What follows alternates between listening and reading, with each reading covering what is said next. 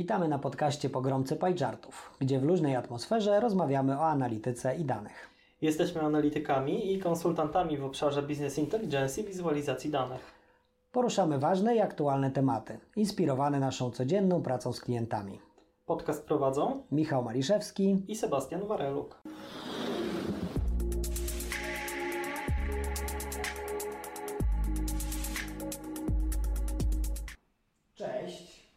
Witamy w kolejnym odcinku, w którym e, postawimy przewrotne pytanie, dlaczego tak drogo? Ale na końcu skwitujemy, że będzie Pan zadowolony. Tak jest. tak jest. Porozmawiamy sobie e, o, o e, rozwiązaniach BI, rozwiązaniach Business Intelligence, o tym, czy istotne jest, ile kosztują, dlaczego kosztują tak drogo i czy powinniśmy jako organizacja, jeżeli myślimy o wdrożeniu BI, czy powinniśmy to robić, czy nie i na co zwrócić uwagę. Tak, znaczy taką na pewno bardzo istotną kwestią dzisiaj będzie to, co, e, co wpływa na cenę rozwiązań e, BI. Czy powinniśmy tą cenę traktować jako jeden taki decydujący czynnik, albo taki czynnik, który ma największą taką dominującą wagę? E, I e, myślę, że też e, na pewno powiemy o tym, co to tak naprawdę jest ten TCO, czyli Total Cost of Ownership. Jakie rzeczy się na ten koszt składają, co należy wziąć pod uwagę, żeby niczego nie pominąć i odpowiednio taki koszt móc ocenić, porównując ze sobą różnego rodzaju E, rozwiązania. Więc e, o tym dzisiaj. E, a zaczniemy od czego? Zacznijmy od statystyki. Przed naszym nagraniem trochę sobie poszperałem w internecie na temat w ogóle BI i tego, jak on jest postrzegany pod kątem właśnie wdrożenie versus koszty, tak? Bo szczególnie na E, polskim rynku, tutaj ponieważ te ceny niejednokrotnie są cenami ujednoliconymi dla całej Europy, tak, czy w ogóle dla większości świata, no to jest to oczywiste, że w Polsce te koszty mm, są relatywnie wyższe, tak? Natomiast nadal mm, e, pytanie, czy w związku z tym warto nadal e, pracować na Excelu tylko, tak, czy też nie. No i poszukałem sobie kilku informacji i z dość dużym zdziwieniem przeczytałem, to są dane e, nie z Polski, e, w styczniu tego roku przeprowadzone przez Harvard Business Review Analytics Services. Okazało się w tych badaniach, że 88% respondentów, czyli analityków podejrzewam, wciąż używa arkuszy Excelowych, żeby analizować dane. 2021 88%. Tak? Wydawałoby się, że powinno, ten odsetek powinien być niższy, a tak nie jest. Z drugiej strony 33% respondentów stwierdziło, że są zadowoleni z możliwości narzędzi, których używają na co dzień. 33%. Tak? Czyli tu mamy dwie liczby, które nam dość dużo mówią na temat tego, jak wygląda w ogóle ten, e, powiedzmy, rynek, e, czyli ile firm w ogóle korzysta z rozwiązań, takich rozwiązań BI-owych e, i ile procent jest zadowolonych z tych rozwiązań, tak? Więc to jest coś, co no, mnie uderzyło, bo wydawało mi się, że jednak te liczby będą trochę inne, a, no ale taka jest rzeczywistość. No, czyli wniosek jest prosty. Kupujcie najdroższe BI, dzięki kończymy podcast. Tak jest, tak jest. No i teraz, i teraz e, co w ogóle mm, jakby mówią różnego rodzaju poradniki na temat, e, na temat wdrożenia. E, no więc przede wszystkim, ponieważ musimy to kupić, więc musimy się zastanowić nad tym, co dostajemy. Tak? No i tutaj powinniśmy dostawać tą wartość za pieniądze, tak? czyli to, za co płacimy, powinno być tym, co nas usatysfakcjonuje na końcu. Tak? Eee, co ciekawe, I to jest coś, z czym też spotkałem się na, na różnego rodzaju czy konferencjach, czy takich panelach z klientami. Nie tylko, powiem inaczej, to były konferencje dotyczące różnych technologii, różnych e, rozwiązań BI-owych i okazuje się, że tak naprawdę z poziomu e, klienta dużo bardziej istotne jest kto towarzyszy przy wdrożeniu, czyli z kim jako partnerem będziemy wdrażali narzędzie. Niekoniecznie samo narzędzie, no bo tak jak popatrzymy, no, te narzędzia oferują powiedzmy dość podobny, powinny przynajmniej, dość podobny efekt nam dawać. Oczywiście w zależności od tego, jakie mamy preferencje różnego rodzaju, możemy wybrać jedno czy drugie. Natomiast tutaj okazuje się, że y, tutaj mówię o takich wdrożeniach udanych, tak? bo to były takie prezentacje klientów, gdzie były udane wdrożenia, wszystko fajnie przebiegło, zakończyło się sukcesem. I oni powiedzieli, że właśnie jedną z głównych, jeden z głównych elementów sukcesu było to, z kim to robili, a nie które narzędzie wdrażali. Tak? Czyli tutaj należy też zwrócić uwagę na to, kto będzie partnerem naszym e, w tej drodze e, wdrożenia.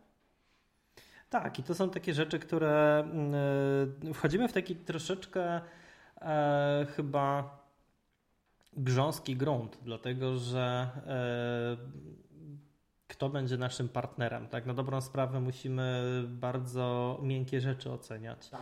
E, nawet e, takie, które, no może trochę bardziej tak to górnolotnie nazwa, ale czy jest e, chemia między naszymi ludźmi z naszego zespołu, a, a, a ludźmi, którzy, którzy przyjeżdżają jako, jako konsultanci, czy jako biznes po stronie, po stronie takiej firmy, która ma z nami współpracować przy przy takim e, wdrożeniu. Ale e, ja kiedyś się spotkałem z takim, z takim materiałem. Nie chcę absolutnie tego materiału uogólniać, ale mhm. były, był jeden dashboard. I ten jeden dashboard był pokazany w trzech wersjach, które się od siebie różniły w bardzo małym stopniu. To były jakieś tam szczegóły. E, I jeden z tych dashboardów był zbudowany w Tableau, drugi był zbudowany w, w Kliku, trzeci w Power BI. Mhm. E, więc jakby. Czyli trzy narzędzia właściwie, które mówiąc o wizualizacji danych, właściwie są bardzo podobne w sensie funkcjonalności i tego, co dostaniemy na końcu. Mm, także klient ma możliwość wyboru, tak? Któregoś z nich. Tak, oczywiście jakby mm, był pokazany finalny efekt, dlatego nie jesteśmy, tutaj nie możemy e, powiedzieć, e, ile czasu e, zajęło zbudowanie tego dashboardu w każdym z tych rozwiązań i jaki był stopień skomplikowania jakby tego całego, całego procesu. I też mówię, że nie chcę uogólniać, dlatego że jeżeli wejdziemy w jakieś bardziej zaawansowane kwestie, to wtedy się może okazać, że jeden z tych systemów jest e, łatwiejszy i, i, i łatwiej siebie i swoją pracę zorganizować w oparciu o ten system e, niż w oparciu o, inny. Czasami któryś z nich wymaga jakiegoś wsparcia, jakiegoś oprogramowania trzeciego. Natomiast ogólnie rzecz biorąc, no właśnie, pytanie, czy takie osoby, które niejako dołączają do naszego zespołu, przynajmniej na tym etapie wdrożenia, E, czy one będą w stanie zrozumieć nasze problemy, czy one będą w stanie e, ogarnąć to, co się dzieje w obszarze danych w naszej organizacji, czy one będą w stanie dotrzeć do osób, które e, będą na finalnym etapie, jako uwieńczenie tego wdrożenia, miały przejąć na siebie całe obciążenie tak. związane z, z budową raportów i czy będą potrafiły te osoby wdrażające, e, odpowiednio przeszkolić tych e, naszych e, pracowników. Tak, no i też, też na, ile mają, na ile mają doświadczenie, które pozwoli na to, żeby uniknąć pewnych pułapek, które gdzieś tam po drodze mogą się pojawić, żeby odpowiednio wcześniej też adresować problemy, które mogą się pojawić w związku no choćby nie wiem, z rozproszeniem danych, przetwarzaniem tych danych, mm, czy, na, czy też na przykład rozwiązaniem, które dla klienta też powinno być optymalne, patrząc na to, ile osób jest w organizacji, jak one będą pracowały z, z tym rozwiązaniem, czy ono będzie dla nich proste. Więc e, jeżeli wybieramy, no bo wiadomo, że wybierając któreś z rozwiązań, mamy jakąś tam powiedzmy węższą, szerszą pulę firm, które będą nam pomagały w tym wdrożeniu, tak? Więc wiadomo, że to narzędzie będziemy wybierali, ale to już na tym etapie wyboru, kiedy my e, decydujemy się tutaj, e, tutaj chciałem, ale to może później troszkę rozwiniemy na temat proof of concept, tak? czyli tego. Ja właśnie chciałem o tym wspomnieć. Sposobu, tak, ja myślę, że o tym powiemy, ale za chwilkę. Mhm. Najpierw może powiedzmy tak bardziej ogólnie i wejdziemy sobie w ten, bo myślę, że to jest taki szczególny też przypadek, kiedy nie tylko możemy rozpoznać aplikację, czy ona jest dla nas ok, ale również czy ten zespół, który e, będzie nam pomagał wdrażać, czy on jest jakby dla nas właśnie, czy jest ta chemia, czy, czy są te kompetencje, czy jest to doświadczenie E, żeby, mm, e, żeby nam pokazać, ok, to jest to. Tak, tak ale to też, e, to też może dać,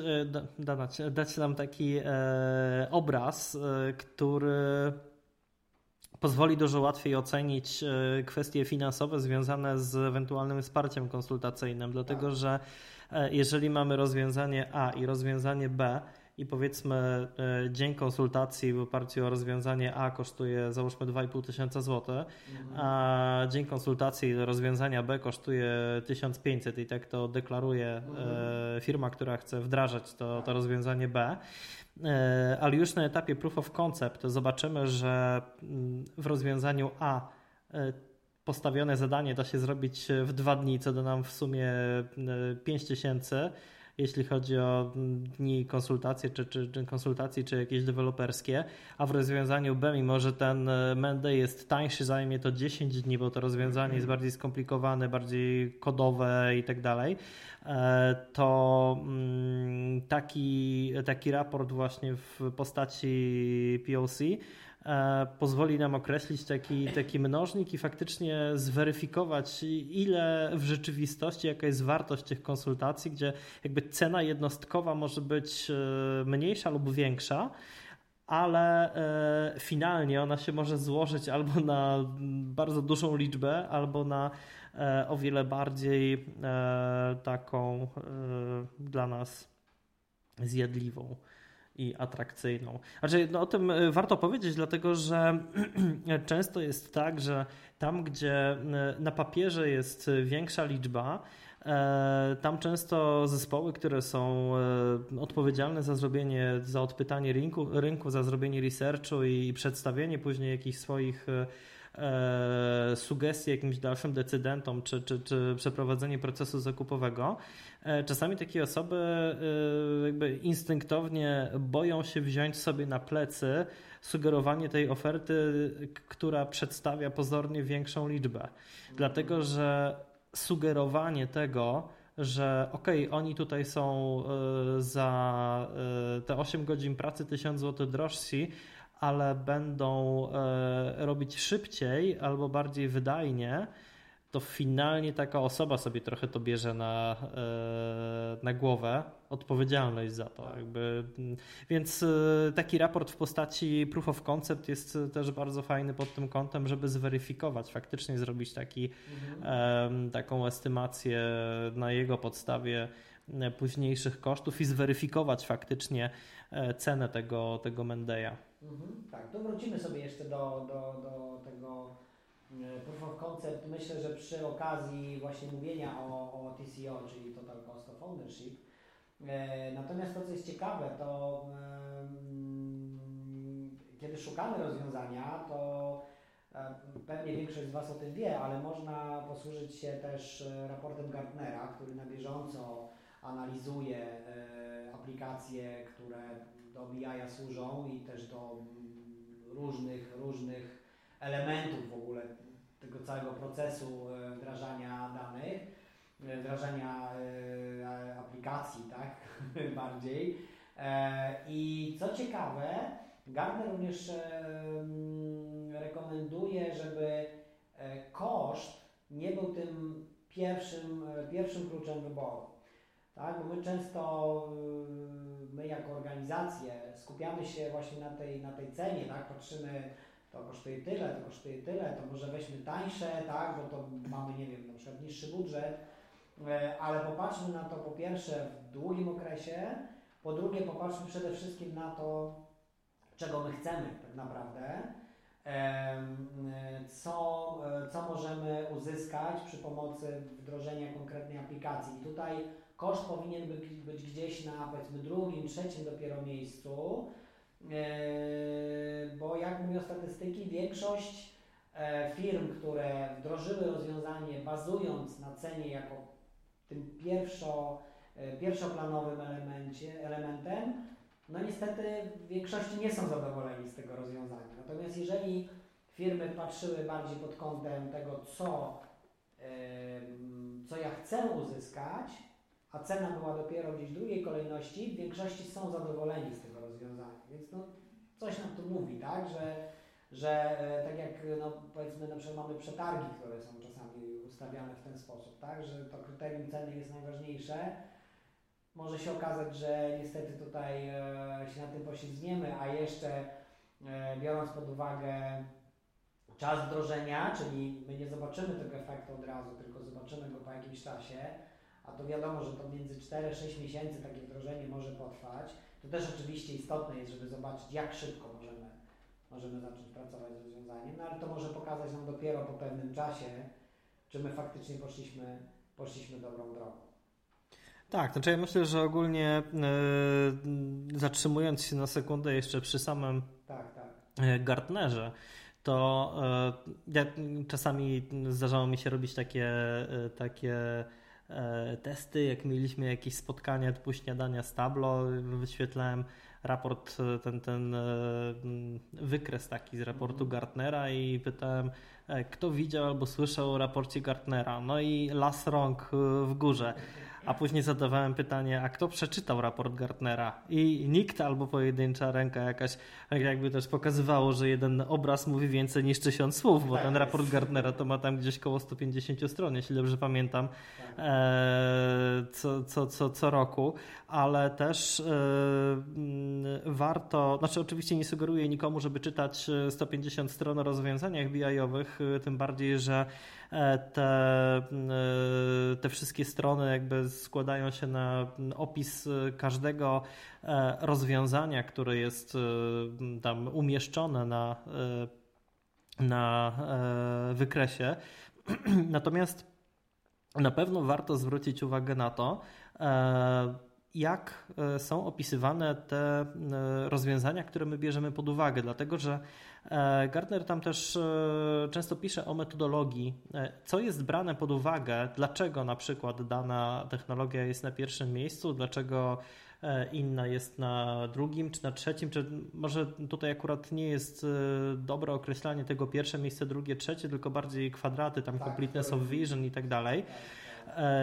I no, znamy przykład no, chociażby tego, że mm, jedna z technologii wysoko oceniana jako sam BI e, była e, tak wysoko oceniona ze względu na to, że mm, była uznawana jako część ogromnego pakietu, który jakby no tak, no, nie był... Nie bójmy się o tym powiedzieć. No, tam jest e, w tej analizie, gdzie mamy, mówiliśmy o tych trzech rozwiązaniach. Tak? Mhm. Mamy... Tylko tutaj może dokończę, bo tak, tu tak, mówiłem tak, jako, tak, jako część jednego pakietu, który e, jeżeli chcielibyśmy korzystać ze wszystkich narzędzi z tego pakietu, to musielibyśmy albo paczkami je dokupować e, i w tym momencie ta cena by nam rosła, albo, albo jakoś przynajmniej pojedynczo, wybiórczo do tego podchodzić. Więc e, jeżeli bierzemy pod uwagę na przykład dwa czy trzy rozwiązania, to już z tych 150 stron zrobi nam się powiedzmy 10 albo 15 i to na pewno warto przejrzeć i w kontekście swoich wątpliwości e, zweryfikować te lokalizacje na wykresie gartnerowskim naszych tak naszych rozwiązań i ich pozycję względem siebie. Tak, szczególnie, że najczęściej takie wdrożenie y, nie będzie polegało na tym, że wdrożymy sobie jedną aplikację, czy też jedno narzędzie. Tutaj znowu odwołam się do Gartnera. Y, według Gartnera w 2023 roku 60% organizacji będzie używać e, rozwiązań, które będą się składały z trzech lub więcej narzędzi. Tak? Czyli tutaj mamy, to też widać na rynku, tak? że mm, raczej mamy rozwiązania, które są dedykowane do specyficznych części procesu, niż takie narzędzia, które, które robią wszystko jednocześnie. Tak? Tutaj może tym wyjątkiem jest właśnie to, o czym mówiłeś w Gartnerze, czyli Microsoft, który co ciekawe, pokazany jest, e, porównywany jest rozwiązanie Tableau, porównywany jest Click, czyli mówimy o dwóch aplikacjach z tych trzech, natomiast Power BI na Gartnerze nie jest pokazany jako Power BI, tak? tylko jest pokazany jako Microsoft, e, gdzie to completeness of vision, czyli jakby ta kompletność całej wizji odnosi się do Microsoftu, czyli my tu mamy zupełnie inny scope jakby nagle, tak? I a, Mm, wiadomo, że ciężko jest też tego Power BI zupełnie osobno, mm, zupełnie osobno analizować, e, natomiast niewątpliwie to rozwiązanie Power BI-owe idzie z całym Microsoftem, tak? Więc tutaj ta, stąd ta wysoka pozycja Microsoft jako takiego, a nie, a nie samego Power BI-a. Eee, co jeszcze jest istotne? Mm, otóż e, bardzo, bardzo ciekawą rzecz przeczytałem. E, mianowicie Rick Sherman, to jest taki ekspert, e, który zajmuje się business intelligence. On mówi, że my nie powinniśmy w przypadku wdrożenia formułować takich celów ogólnych, czyli na przykład, że chcemy mieć jedną wersję prawdy, albo na przykład mieć lepsze, lepszy sposób podejmowania E, decyzji, tylko raczej powinniśmy skupiać się na takich bardzo konkretnych celach, czyli na przykład optymalizacja e, przychodów, redukcja kosztów, redukcja ryzyka, tak? Czyli mm, ujmijmy, to bardziej materialnie, tak? W takim sensie, żebyśmy my konkretnie mogli potem zbadać, no bo jak my zbadamy później, że mamy jedną wersję prawdy? Znaczy, jak to potem zmierzyć, tak? Natomiast jeżeli my powiemy, dzięki temu rozwiązaniu, na przykład e, oszczędzimy koszty, tak? Bo, bo w tej chwili nasze raporty generują się bardzo długo, potrzebujemy bardzo dużo ludzi, którzy się tym zajmują, tak? No i do tego one nie są takie, jakie byśmy chcieli. A czym tak? to jest mierzalne przede wszystkim? No bo jakby ciężko zaraportować powiedzmy na rok po wdrożeniu, że ujedno, ujednoliciliśmy prawdę o 15%. No dokładnie, prawda? Więc, więc e, to nam spowoduje, że nawet jeżeli my wdrażamy tego rodzaju rozwiązanie, to e, dobrze byłoby zmierzyć faktycznie, jaki mamy później impact na biznes i żeby to było właśnie policzalne, tak? Mhm. Jakbyśmy pomyśleli sobie o tym, kiedy my powinniśmy wdrożyć w ogóle rozwiązanie BI-owe, to takie cztery elementy są. Pierwsze to tutaj już o tym trochę mówiliśmy, czyli raportowanie mamy głównie robione ręcznie w Excelu, co zajmuje potworną ilość czasu. Tak? To jest ta sytuacja, o której my już chyba w którymś odcinku też mówiliśmy, czyli analityk, którego e, zatrudniliśmy i on miał nam analizować te dane, czyli miał patrzeć na to, co się dzieje, wyciągać wnioski, dawać rekomendacje. Tak? Tymczasem co robi ten analityk? Większość, przez większość czasu przygotowuje dane pod raport. Jak skończy i raport jest gotowy, to właściwie już musi zacząć przygotowywać kolejny. Tak? Więc nie ma o ile sensu. skończy w interwale w ogóle. O ile, o ile mi się uda to zrobić, oczywiście. Więc jeżeli mamy taką sytuację, to na pewno to jest pierwszy sygnał, że powinniśmy, że powinniśmy zająć się a, już nawet nie myśleniem o wdrożeniu, tylko wdrożeniem. E, druga rzecz, czyli mamy trudność z wyciąganiem, łączeniem danych z różnego rodzaju rozproszonych źródeł, tak? Czyli Gdzieś tam na pewnym etapie podłączaliśmy sobie różne rozwiązania, gdzieś tam siedzą te dane w różnych miejscach. No i jakbyśmy chcieli analizować ten biznes, to chcielibyśmy to mieć wszystko razem, tak? I mamy trudność, żeby, żeby to zrobić. No to jest coś, co praktycznie powszechne, tak? Przed oczywiście wdrożeniem rozwiązania.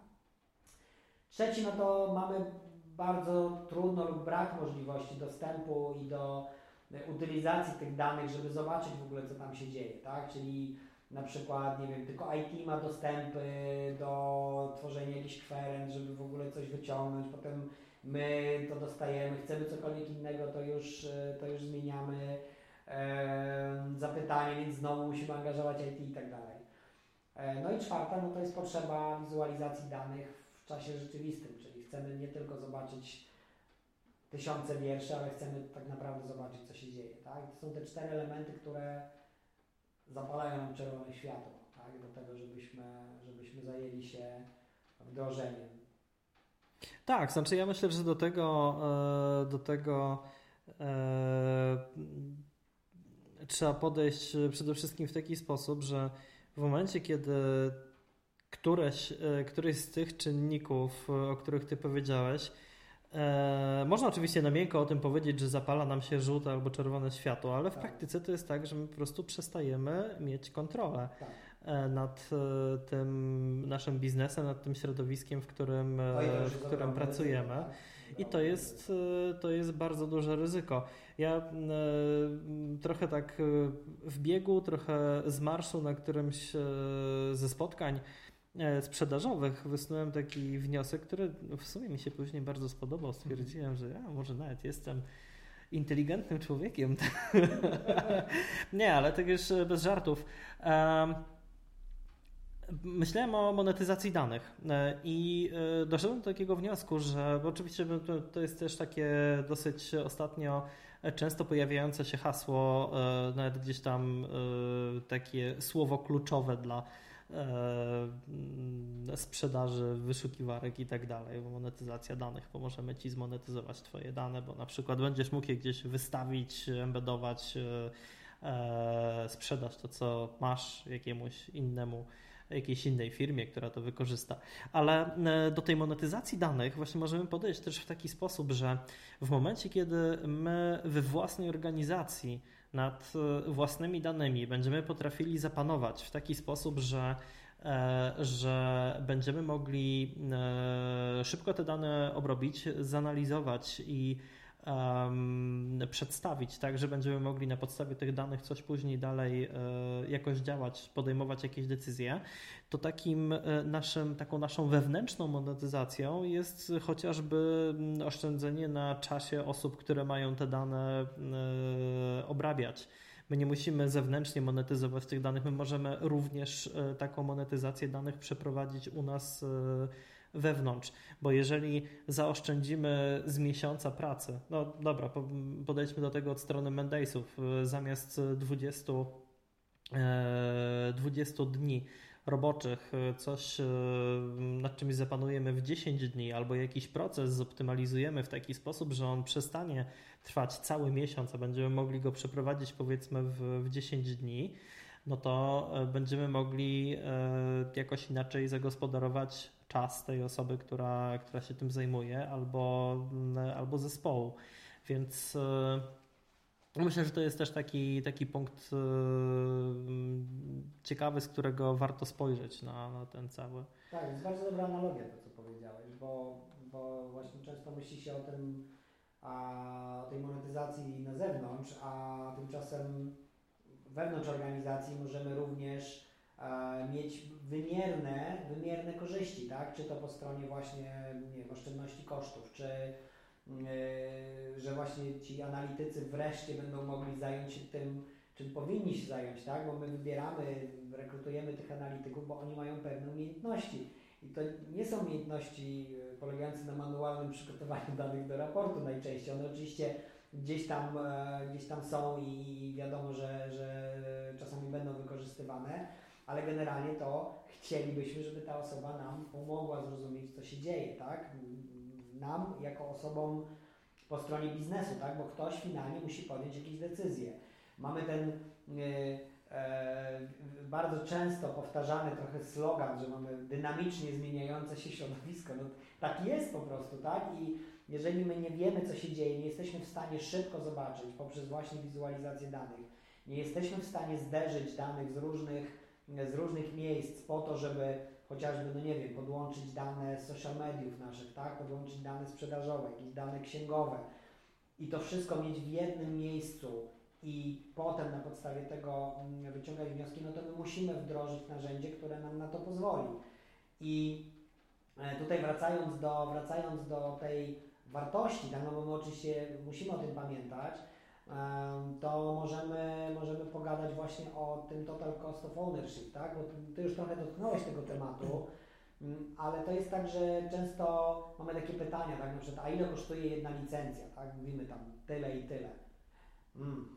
Już jest takie, widać już takie zastanowienie, tak? Bo ktoś by nie patrzy na to, co za to może kupić, tylko, że to jest dużo, tak? Ja mam często takie porównanie e, z dnia codziennego, na przykład książki, tak? Ja dużo czytam, więc y, patrzę sobie na to, ile kosztują książki. No i tak można powiedzieć, kurczę, no książka kosztuje no 30-40 zł, tak? Powiedzmy. No, są i droższe, tak? Ale przeciętna cena to jest 30-40 zł.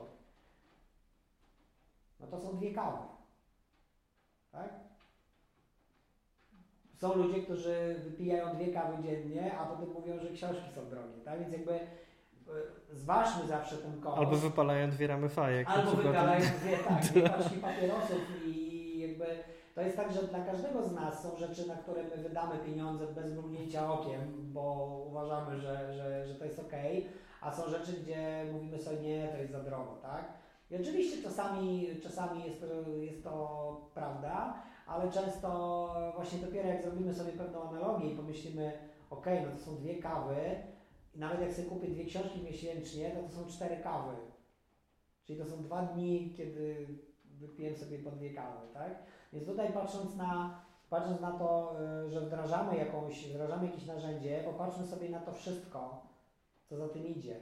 I tu mówiłeś o właśnie, mm, bo mówimy nie tylko o samym rozwiązaniu, ale mówimy tak, ile czasu będzie trwało wdrożenie, bo to też są koszty, tak?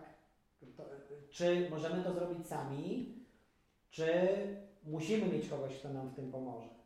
Bo mm, czasami ta, to wdrożenie jest takie, że to wymaga e, osób, którzy będą e, na konsultantami na przykład przez kilka miesięcy na bieżąco z tym pracować. A są takie narzędzia, gdzie wchodzimy, na przykład tak, pomagamy przy tym pierwszym e, wejściu, a potem jesteśmy supportem tylko, który, mm, który może pomóc, tak? Czyli ten koszt może być relatywnie wtedy tutaj już trochę niższy. Zdecydowanie tak. Też jakby bardzo, e, bardzo e, takim fajną rzeczą, na którą można zwrócić uwagę na, na, na samym początku, jest to, ile czasu trwa e, postawienie samego środowiska. Jakby tak. Na przykład, ile czasu trwa zainstalowanie serwera, mm -hmm. na przykład mhm. Tableau, tak. czy jakiegoś innego, czy uruchomienie e, środowiska jakiegoś, jakiejś innej technologii. Czyli de facto, ile, jak szybko ja mogę zacząć sprawdzać, i czy w ogóle mogę zacząć sprawdzi, sprawdzać, czy to jest dla mnie odpowiednie narzędzie. Znaczy, tak?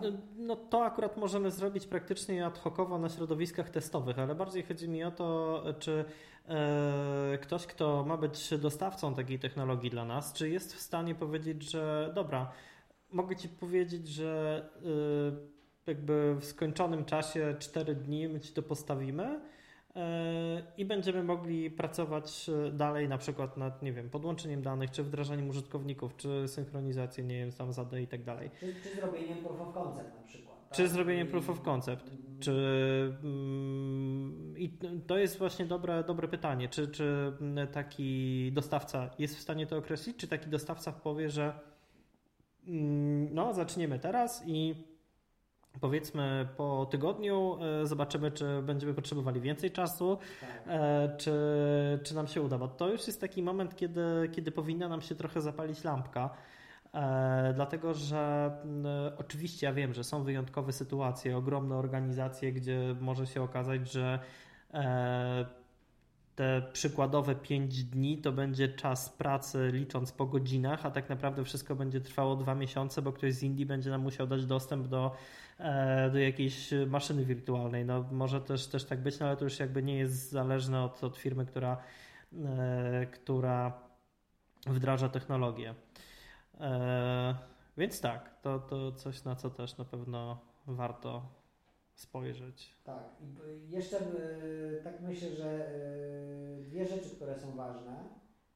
Jeżeli, jeżeli myślimy o takim wdrożeniu Business Intelligence, to powinniśmy przede wszystkim rozmawiać z liniami biznesowymi, a nie z IT. To jest też taki częsty, można powiedzieć, błąd organizacji, które mm, jakby wystawiają osoby, które zajmują się stroną IT do wyboru narzędzia. Tak? Te osoby nie będą na tym narzędziu pracować. One będą nim administrować być może, być może będą e, po stronie na przykład dostarczania danych gdzieś tam pracować, natomiast finalnie nie będą e, e, tego narzędzia używać. W związku z tym będą oceniać jakość czy powiedzmy przydatność tego narzędzia, z którego później będą korzystali ludzie już w biznesie. Więc jeżeli chcemy, czyli tutaj mówię do osób, które w danej organizacji myślą o wdrożeniu BI-a, zdecydowanie e, skoncentrujcie się na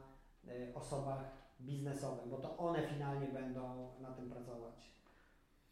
Albo nie będą, jeżeli się okaże, że dane narzędzie z jakiegoś powodu rekomendowane wcześniej przez, przez e, IT, które teoretycznie powinno spełniać jakieś jakieś wymagania, tych wymagań nie, nie spełnia, bo tak jak, no, tak jak Michał przed chwilą powiedział, takie Ocena narzędzia z punktu widzenia jego jakichś tam parametrów czy możliwości związanych z techniczną stroną, praktycznie każde narzędzie da się wszędzie zainstalować. Tak mówiąc w bardzo dużym uproszczeniu, obsłużyć je e, też, ale to osoby, które będą odbiorcami raportów, czy też osoby, które będą w takie raporty finalnie miały gdzieś tam klikać, przekliknąć się przez taki raport, żeby gdzieś tam wejść e, głębiej w poziom szczegółów, żeby zobaczyć, jak na przykład e, z poziomu kraju wygląda jakaś sprzedaż, jak wygląda w, w miastach, to takie osoby tak naprawdę będą mogły właśnie tak na miękko, nie zero-jedynkowo ocenić takie flexibility tego narzędzia, taki user-friendly, czy, czy ono jest na tyle, na tyle elastyczne, i responsywne dla, dla, dla takiej osoby, że ta osoba będzie chciała z tym narzędziem pracować, czy będzie dostarczała tych informacji, które będą poszukiwane, czy będzie doprowadzała do frustracji i doprowadzało do frustracji i w pewnym momencie e, spowoduje, że dana osoba wróci do e, tabelki Excelowej, która się generuje dłużej, ale czuje się z nią bezpiecznie i komfortowo, bo była od zawsze i, i wiem, że w jakimś skończonym czasie trzech dni coś tam się w końcu E, wyświetli. E, te narzędzia mają e, mieć taką rolę, żeby one wspomagały naszą pracę i były raporty zbudowane w tych narzędziach, mają nas wspierać, mają powodować, że będzie nam się podejmowało lepsze decyzje, lepiej pracowało w, w naszym środowisku. I to one mają być dla nas, a nie my dla nich, więc zdecydowanie e, zgadzam się z tym, że to e, biznes po takim organoleptycznej ocenie e, narzędzia powinien podjąć decyzję, na czym chce pracować i co będzie dla, dla, dla niego, dla nich dobre. Dla nich. Oczywiście tutaj nie mówimy o tym, że IT nie powinno brać udziału w, tym, w takim projekcie, bo musi brać udział, natomiast bardziej powinno być E, taką e, znaczy bardziej chcieliśmy powiedzieć to, że, że nie należy pomijać biznesu. Tak. tak. Czyli biznes jakby powinien być na froncie, jeśli chodzi o wybór pod kątem biznesowym, natomiast IT powinno być wsparciem, które będzie mówiło, ok, słuchajcie, ale to jest tak, że nie wiem, mamy tego rodzaju źródła danych, a to narzędzie na przykład tego nie supportuje albo jest bardzo trudne, e, na połączenie się z e, tymi danymi. Będziemy mieli duże ograniczenia z tym związane, tak? Więc e, tutaj IT powinno mieć rolę takiego konsultanta, powiedzmy, i pomagać w wyborze, ale jakby ograniczając się do tej strony wyłącznie no, związanej z IT, tak? Czyli z samymi danymi, z poziom bezpieczeństwa ewentualnie, tak, jeżeli to jest tutaj też... Ewentualnie studzenie zapałów. Isto, tak, albo Chill your horses. Tak, natomiast tutaj, tutaj taką, taką rolę właśnie powinna mieć, powinni mieć konsultanci, którzy pomagają we wdrożeniu, oni też powinni i, i to jest też mm, taki sygnał, że to jest dobry że to jest dobry partner, który nam też nie będzie nam ukrywał, nie będzie przed nami ukrywał pewnych ograniczeń, tak? Że, że na przykład możemy to zrobić, ale tu w ten sposób, a nie w ten, tak? Że gdzieś tam musimy szukać trochę innego rozwiązania. Znaczy ja myślę, że takim dobrym, e, dobrym, e, krótkim ujęciem tego wszystkiego byłoby powiedzenie, że biznes powinien czuć się bardzo swobodnie w e, testowaniu narzędzi, ewentualnie powiedzeniu, że kurczę, podoba nam się to, E, a IT w tym momencie powinno być takim gatekeeperem, który powie, że ok, to jesteśmy w stanie i zajmie nam to tyle czy tyle, czy to narzędzie jest kompatybilne tak. E, i możemy się nad tym zastanowić, ok, dajemy zielone światło. Albo powiedzieć, że no nie, bo, bo coś tam i tutaj e, jakieś tam no tak, jest argumenty. Specyfika technologiczna, tak, czy E, nie wiem, no kwestia też właśnie tego wdrożenia, że ono na przykład może powodować bardzo duże zmiany, na które organizacja nie jest w tym momencie gotowa, tak, a być może na przykład ma właśnie, wdrażamy, chcemy wdrożyć narzędzie do wizualizacji, a tymczasem okazuje się, że na poziomie integracji danych mamy ogromny problem i będzie trzeba jeszcze dołączyć jakieś drugie narzędzie, tak, ewentualnie znaleźć narzędzie, które nam to, yy, nam to umożliwi.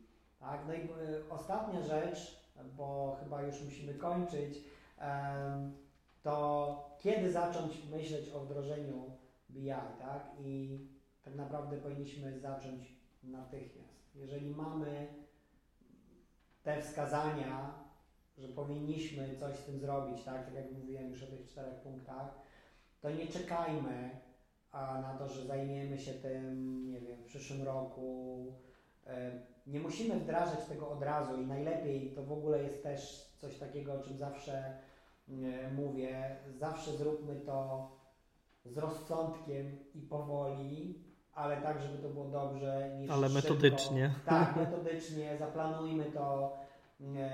Naprawdę to jest bardzo ważne, bo potem będziemy zadowoleni, nawet jeżeli sama, samo planowanie implementacji zajmie nam więcej czasu. Bo jeżeli to za, zaczniemy robić teraz, to teraz możemy to już zacząć sobie planować, rozmawiać z biznesem, rozmawiać z IT, przy, przygotować się do tego. Ja mam tutaj taki piękny przykład. E, e, pracowałem w firmie e, duńskiej. Duńczycy mają podejście do, do wdrożenia w ogóle bardzo metodyczne i bardzo wolne. To znaczy oni dopóki nie będą pewni, że już wszystko zobaczyli i wszystko wiedzą jak to zrobić, to oni w ogóle nie zaczną tematu. Oczywiście nie ustrzegają się błędów, bo to jest normalne, natomiast e, e, tutaj mówię, mówię o wdrożeniu SAP-a, e, które jest naprawdę ciężkie i szczerze mówiąc w tych organizacjach, w których pracowałem w większości SAP był wdrożony źle i a tam niestety modyfikacje są potwornie drogie. Natomiast w tej firmie duńskiej, w której pracowałem, to wdrożenie SAP-a było piękne tam po prostu naprawdę były jakieś drobne rzeczy, które y, poprawiano później w trakcie, ale planowanie wdrożenia SAP-a to było 5 lat. Więc zwróćcie uwagę na to, że e, oczywiście nie mówię, że to zawsze musi być 5 lat, natomiast e, e, powinniśmy zacząć już, także zacznijcie już, ale spokojnie, tak, żeby rozpoznać sobie rynek, rozpoznać własne własne potrzeby, zobaczyć ile będzie na to potrzebnych pieniędzy, zobaczyć total cost of ownership, zrobić proof of concept w kilku e, e, narzędziach, tak, zobaczyć. Tu mówiłeś jeszcze o tym, to już ostatnie, ostatnie z mojej strony e, zdanie, mówiłeś o tych trzech rozwiązaniach, tych trzech dashboardach. Tak zastanawiałem się, czy również było widać, jak szybko one działają, czy tylko było pokazane, jak, że wyglądają podobnie. E, nie, to było, to było pokazane, że wyglądają podobnie, bo to była jakaś, jakaś grafika. Mm-hmm. No, no, żeby pokazać e, działanie, no to pewnie musiały być środowiska postawione na takich samych, na takich samych zasobach, ale tutaj jeśli chodzi o o ten total cost, to mi się przypomniała jeszcze jedna rzecz, nad którą się zastanawiałem tak praktycznie przez cały nasz podcast dzisiejszy, bo mi gdzieś uciekła, że w wycenianiu rozwiązania warto też zwrócić uwagę na to, czy e, nie będziemy mieli jakichś takich kosztów tak zwanych ukrytych, jakby poza mhm. licencją i tak. usługami, związanych na przykład z mm, transferem danych albo mm, ilością danych na, e, na dyskach e, urządzeń czy też chmur, które przechowują nasze raporty, bo są takie rozwiązania, które mówią nam, że ok, na przykład e, licencja będzie kosztowała 100 dolarów, strzelam, nie wiem czy 100 dolarów, ale mhm. załóżmy.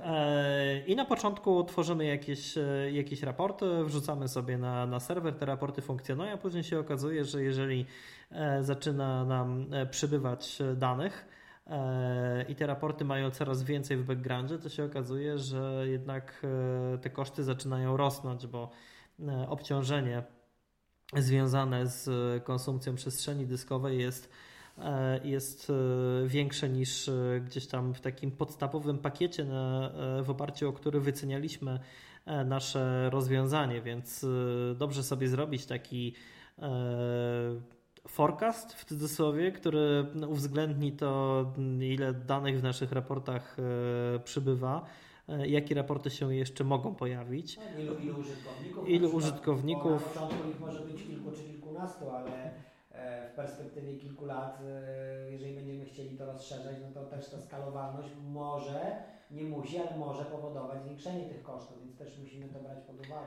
Tak? Zdecydowanie tak. I, i, i takich, e, takich czynników może być, e, może być oczywiście jeszcze więcej, więc, ale takie trzy podstawowe, no to oczywiście wiadomo, sama e, kwestia model licencyjny i tego typu rzeczy. Druga to usługi, ale razem z właśnie utylizacją tych usług w oparciu o o POCA mm, stwierdzenie, jaka jest realna wartość e, jakiegoś takiego Mendeya e, w kontekście mm, kwoty, którą ktoś proponuje za, e, za taki dzień konsultacji. Tak, czy jakieś pakiety na przykład, czy, czy, czy ten partner na przykład nam daje jakiś support taki E, też na bieżąco, tak, że możemy się zwrócić z jakimś problemem i powiedzmy e, niekoniecznie od razu będzie to fakturowane, tak, bo to mhm. wiem, wymaga na przykład jednej odpowiedzi krótkiej i, i, i partner wdrożeniowy może powiedzieć e, tak, jestem, nie zostawię Was jakby tak, nie zostawię Was z tym.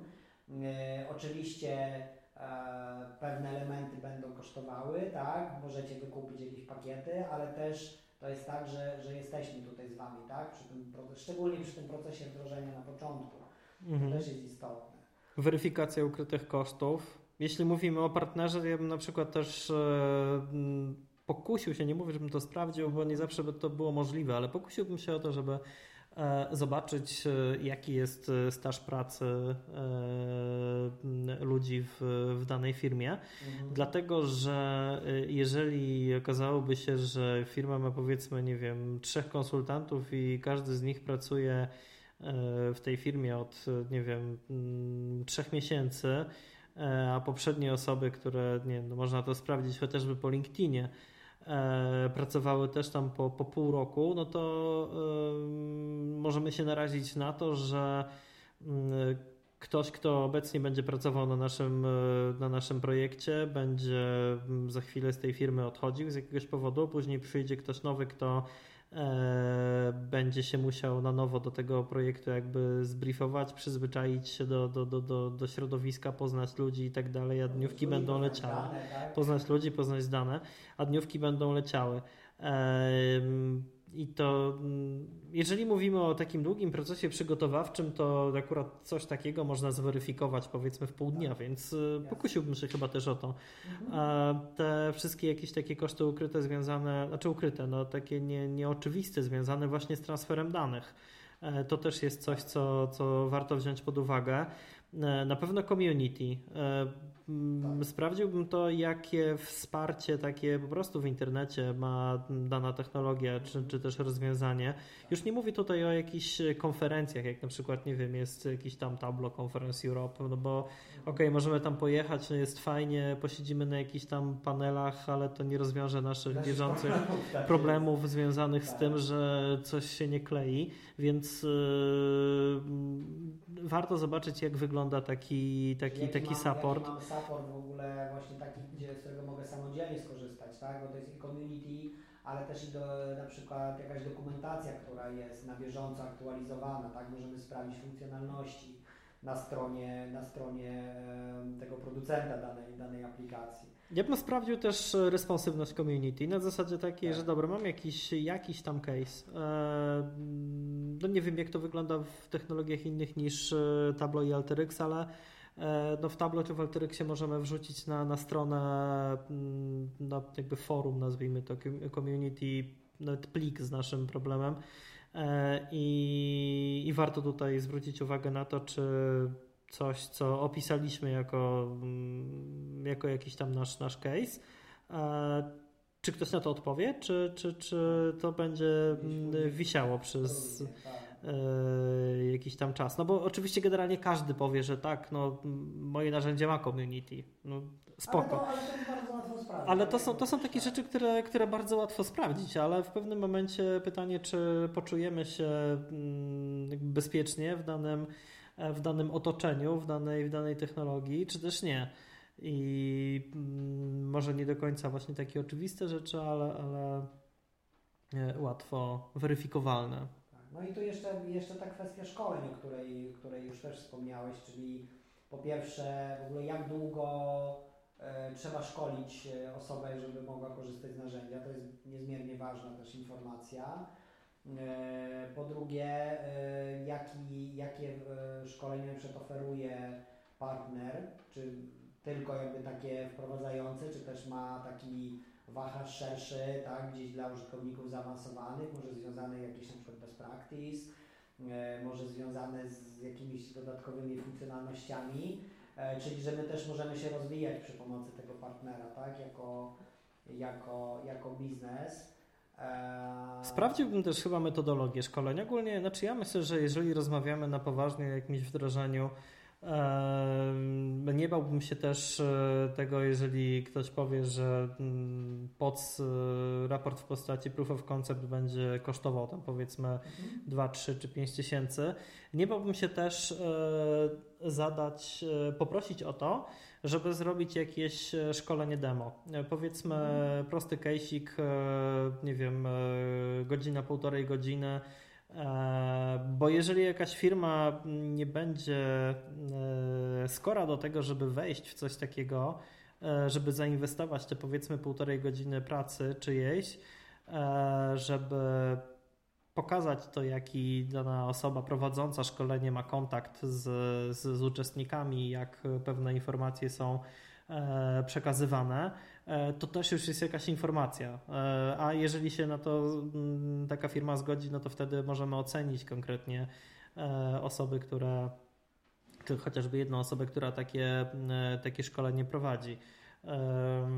I to też warto zrobić, bo na dobrą sprawę, no nawet tak jak w kontekście tych technologii, z których my szkolimy, spotykaliśmy się z sytuacjami, gdzie trochę sprzątaliśmy po, e, po, po, po e, innych firmach, jeśli chodzi o uzupełnianie wiedzy. E, warto sprawdzić chociażby też coś takiego, czy takie szkolenie jest realizowane w sposób bezmyślnego gonienia agendy żeby wszystkie punkty zrealizować, czy bardziej, bardziej osoba, która to szkolenie prowadzi, kontroluje to, czy jest zrozumiałe to, co już tak, do tej pory było. Się tak, do, do, do uczestników, bo to też jest tak, że nawet jak prowadzimy te, te szkolenia, to e, zwrócenie uwagi na to, że powiedzmy, nie wiem, pewne elementy możemy, e, możemy tylko zaznaczyć, bo widzimy, że odbiorca wie o co chodzi, E, tak, a są takie elementy, w które powinniśmy się zagłębić i, i wytłumaczyć rzeczywiście, tak, no to ma, być, to ma być szkolenie, a nie tak jak mówisz, przejście e, przez agendę, o zdążyłem, jest jest tam 16.30, zdążyłem, wyrobiłem się ze wszystkimi punktami. No nie o to chodzi, tak? Tak naprawdę my chcemy, żeby klient potem miał takie przekonanie po szkoleniu, że ok, wiem co robić. Tak? I to jest, to jest ważne. Także wracając do pytania, które postawiliśmy na początku, czyli dlaczego tak drogo, no więc sprawa jest skomplikowana, nie jest to takie proste, e, ale na pewno nie możemy tego rozpatrywać e, wyłącznie jeśli chodzi o koszty, czyli nie możemy mówić, ok, to jest drogo, więc ja tego nie, e, nie kupię, nie wdrożę, tylko sprawdźmy wszystkie elementy, porównajmy te wszystkie elementy, nie tylko, przede wszystkim nawet nie te finansowe, a te, które dadzą nam to, czego chcemy, czego potrzebujemy w naszej organizacji. Zderzmy oczywiście te koszty, ale total cost of ownership, tak, czyli te wszystkie i ukryte, i nieukryte koszty. I wtedy dopiero mamy e, mamy powiedzmy pełen obraz, no i to co mówiłeś, to, tak, czyli ta interakcja no choćby z e, pocem, tak, jakieś szkolenie demo. Tak, no to znaczy bardzo dobrze by było finalnie uniknąć, znaczy oczywiście sukcesy, z sukcesem wdrożyć e, takie e, narzędzie, które faktycznie spełni nasze, nasze potrzeby i uniknąć sytuacji, w której złapiemy się na tym, że właściwie to, co, to narzędzie, które wdrożyliśmy, nie do końca spełnia nasze potrzeby, e, ale teraz już ono jest wdrożone, więc musimy dewelopować to, co chcemy w tym narzędziu, e, gdzie zrobienie tego byłoby, jest bardzo kosztowne i należy to robić bardzo mocno naokoło. Jakby no, spotykaliśmy się też z takimi z takimi firmami, które mówiły, że na przykład no już teraz to nie mamy budżetu na to, żeby wdrożyć to, bo wdrożyliśmy coś innego powiedzmy rok wcześniej i teraz już jesteśmy do tego przywiązani, chociaż nie do końca jesteśmy w stanie łatwo i prosto zbudować te rzeczy, które by nas interesowały, bo pozornie się miało dać, ale się nie dało i teraz... Wracamy do Excel. I wracamy do Excela albo, albo e, przepalamy e, bardzo duże budżety na to, żeby w skomplikowany sposób e, wydevelopować coś, co w innej technologii można by było zrobić dużo szybciej i bardziej efektywnie. I z tym przesłaniem, przesłaniem wnioskiem zostawiamy Was do następnego odcinka naszego podcastu.